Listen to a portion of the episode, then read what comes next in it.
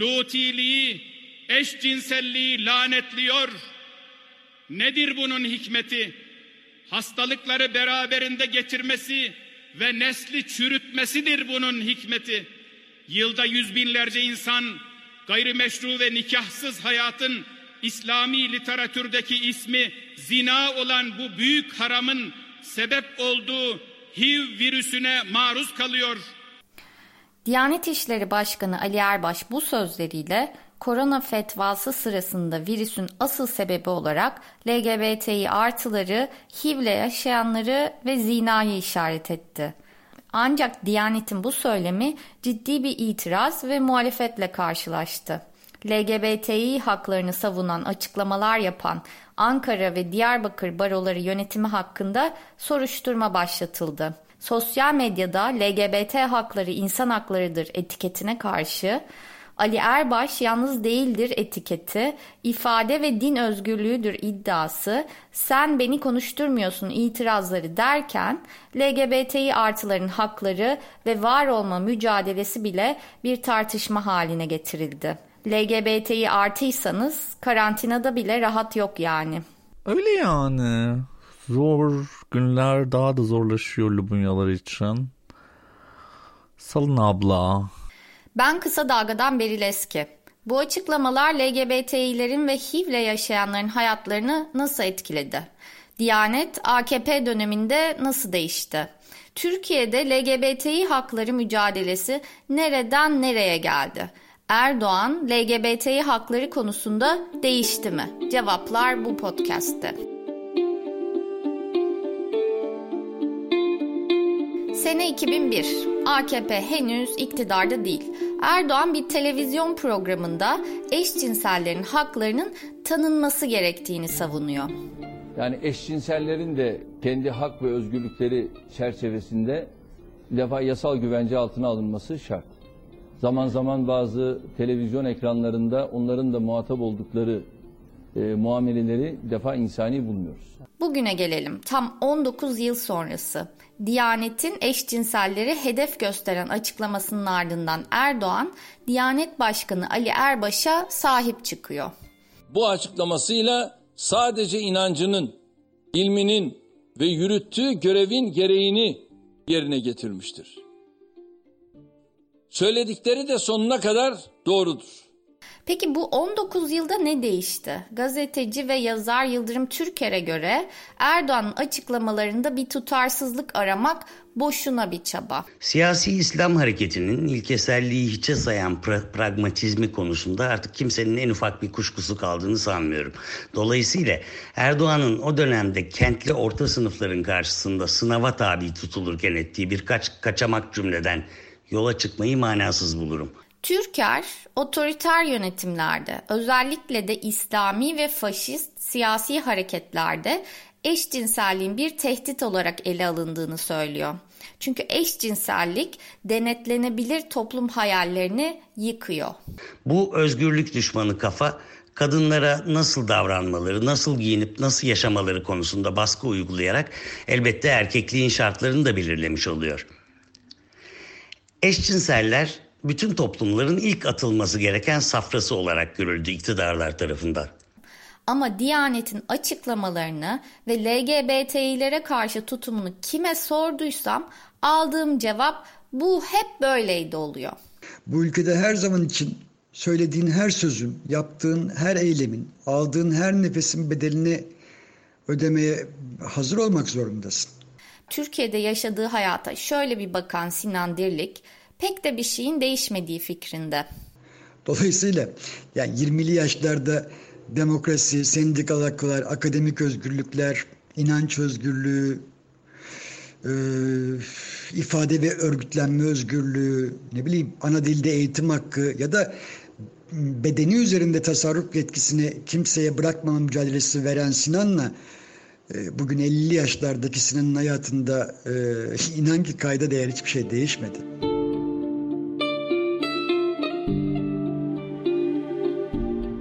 Her ne kadar hiçbir şey değişmedi deseler de Bir dönem istiklali coşkuyla yapılan onur yürüyüşü hala hatırımızda. 2010'lu yıllarda binlerce kişi onur yürüyüşüne katılırdı. Pride sabahlara kadar kutlanırdı. Ama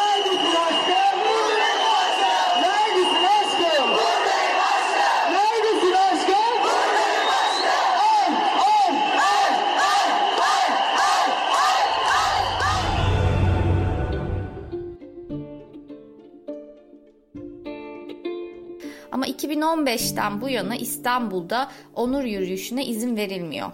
Ramazan, genel ahlak, güvenlik gibi bahanelerle yürüyüşler engelleniyor veya dar sokaklara hapsediliyor. Bu da yetmiyor. ODTÜ'de öğrencilerin uzun yıllardır yaptığı tarihsel onur yürüyüşleri de yasaklanıyor. Ankara'da LGBT temalı etkinliklere süresiz yasak getiriliyor. Bu yasakları delen ve yürümek isteyenler gözaltına alınıyor. Haklarında soruşturma başlatılıyor ve hatta dava açılıyor.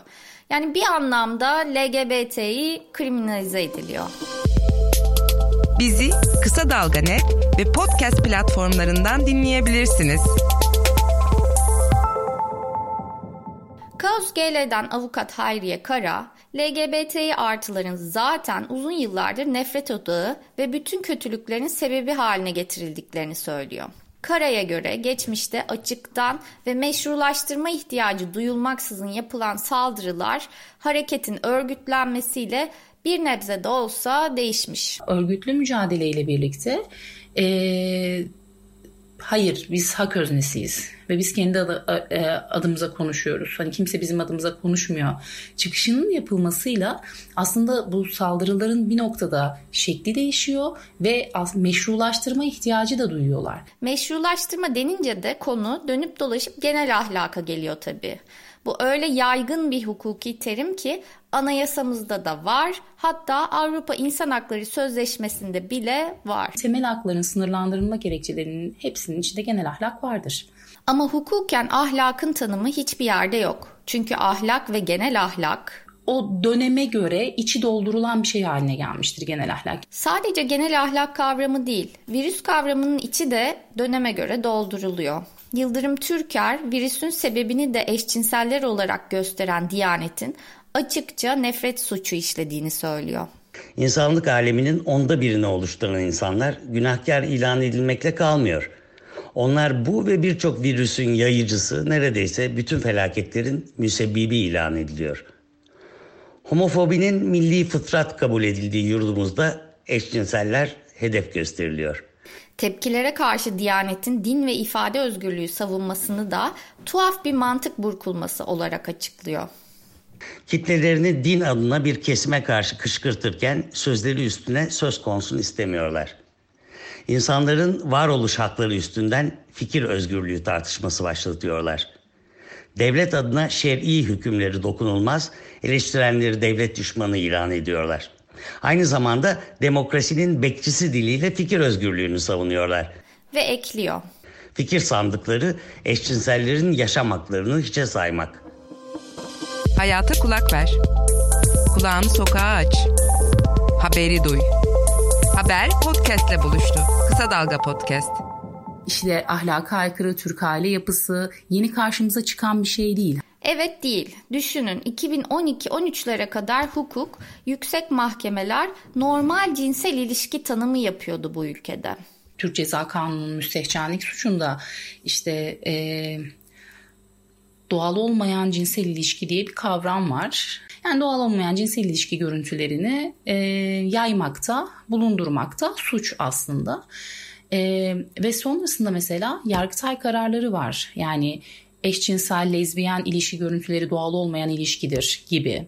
Doğal olmayan anal ilişki ve e, oral ilişki görüntüleri gibi bir de doğal olanı da tanımlamış mesela Yargıtay kararlarında 2012 ve 2013 kararlarında e, doğal olan cinsel ilişki kadın cinsel organı ile erkek cinsel organının birleşmesi olduğundan gibi hani bu, bu, bu söylemleri içeren Yargıtay kararları var. Yani devlet yatak odamızda ne yapabileceğimize, nasıl ilişki kuracağımıza müdahale ediyordu. İnsanlara gerçekten anal oral ilişki görüntüsü bulunduruyorsa yaymayı bıraktım e, müstescenlik suçundan ceza verildi. Nasıl davranacağından ziyade Yani cinselliğe ve e, cinsel dokunulmazlığına dair her alanı e, organize etme, düzenleme ve kurallar koymaya ilişkin bir müdahalesiydi. Ancak Anayasa Mahkemesi'nin kararı sonrasında Yargıtay da kararlarını değiştirdi. Çünkü Anayasa Mahkemesi doğal olmayan cinsel ilişki işte hiçbir demokratik toplum üzerinde kabul edilmeyecek cinsel ilişkidir dedi. Yani uygulanan politika müdahale etme arzusu topluma işlemedi. Ama artık yeterli değil. Bu bu değil, inandırıcı değil. Çünkü insanların hayatında bir karşılığı yok. Haber podcast'te buluştu. Kısa Dalga Podcast. Kulağınız bizde, Kısa Dalga'da olsun. Kaos GL'den avukat Hayriye Kara, LGBTİ hareketi güçlendikçe karşıtların söylemlerinin sertleştiği fikrinde. Mücadele büyüdüğü için ee, söylem de daha da sertleşiyor. Ve aslında Diyanet'in e, açıklamasında hani tartışılacak bir nokta yok. Devletin bir kurumusun, e, arkanda devlet var. E, o yüzden sen hani anayasaya, Türkiye'nin taraf olduğu uluslararası sözleşmelere uymak zorundasın.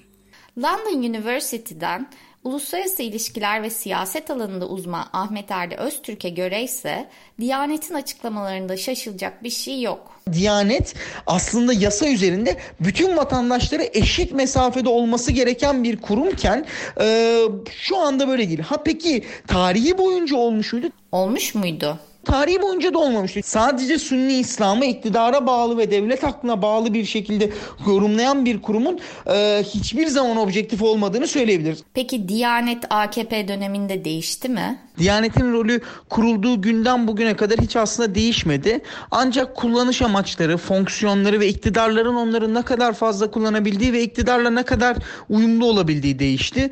Erdi Öztürk'e göre AKP döneminde Diyanet'in değiştiğinden değil güçlendiğinden söz edilebilir. AKP döneminde değişen ne? İlk defa devlet ve bir tek bir parti birbirine bu kadar e, birleşik ve bütünlük olduk, olduğu için ve Diyanet gibi bir aygıtın kendi ideolojik e, yöntemi doğrultusunda ne kadar araçsal ve faydacı, bu faydacıyı tırnak içerisinde kullanıyorum, e, kullanılabildiğini gördüğü için Diyanet'in hem önünü daha çok açmaya başladı hem daha çok kullanmaya başladı.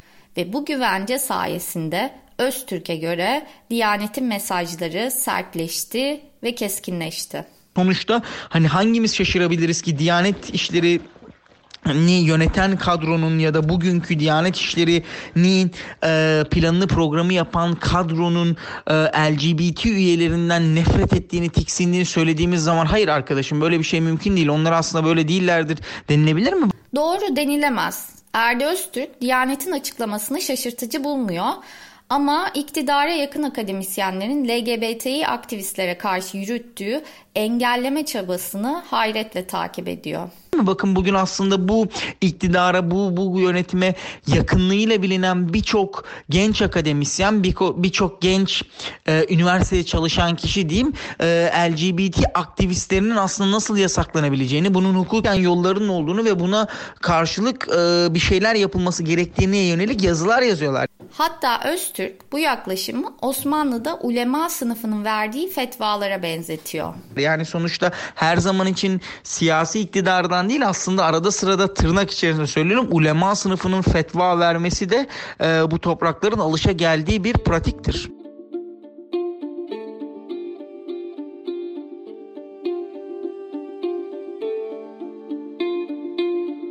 Bir de ne zaman kadın hakları veya LGBTİ haklarına ilişkin bir tartışma başlasa gündem değiştirmek için diyenler kadın ve LGBT haklarının ihlalini hiçbir zaman asıl gündem olarak görmeyenler var.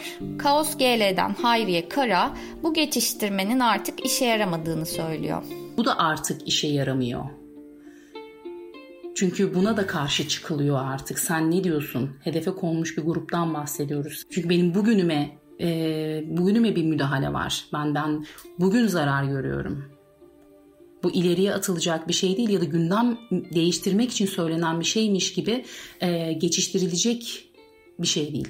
Gerçekten de bugün pek çok LGBT Diyanet'in açıklamasının hedefi olmuş durumda. Özellikle de aileleriyle yaşayanlar. Birçok Lubunya Covid-19 sebebiyle şu an ailesiyle normalde geçirdiğinden daha fazla zaman geçiriyor. Beraber yaşamayanlar belki beraber yaşamaya başladılar. Ailesiyle kalanlarsa günün normalde geçirdiğinden çok daha fazla saatini beraber geçiriyor. Bu da tabii ki ailenin ideolojisiyle çok daha fazla karşı karşıya kalmak anlamına geliyor.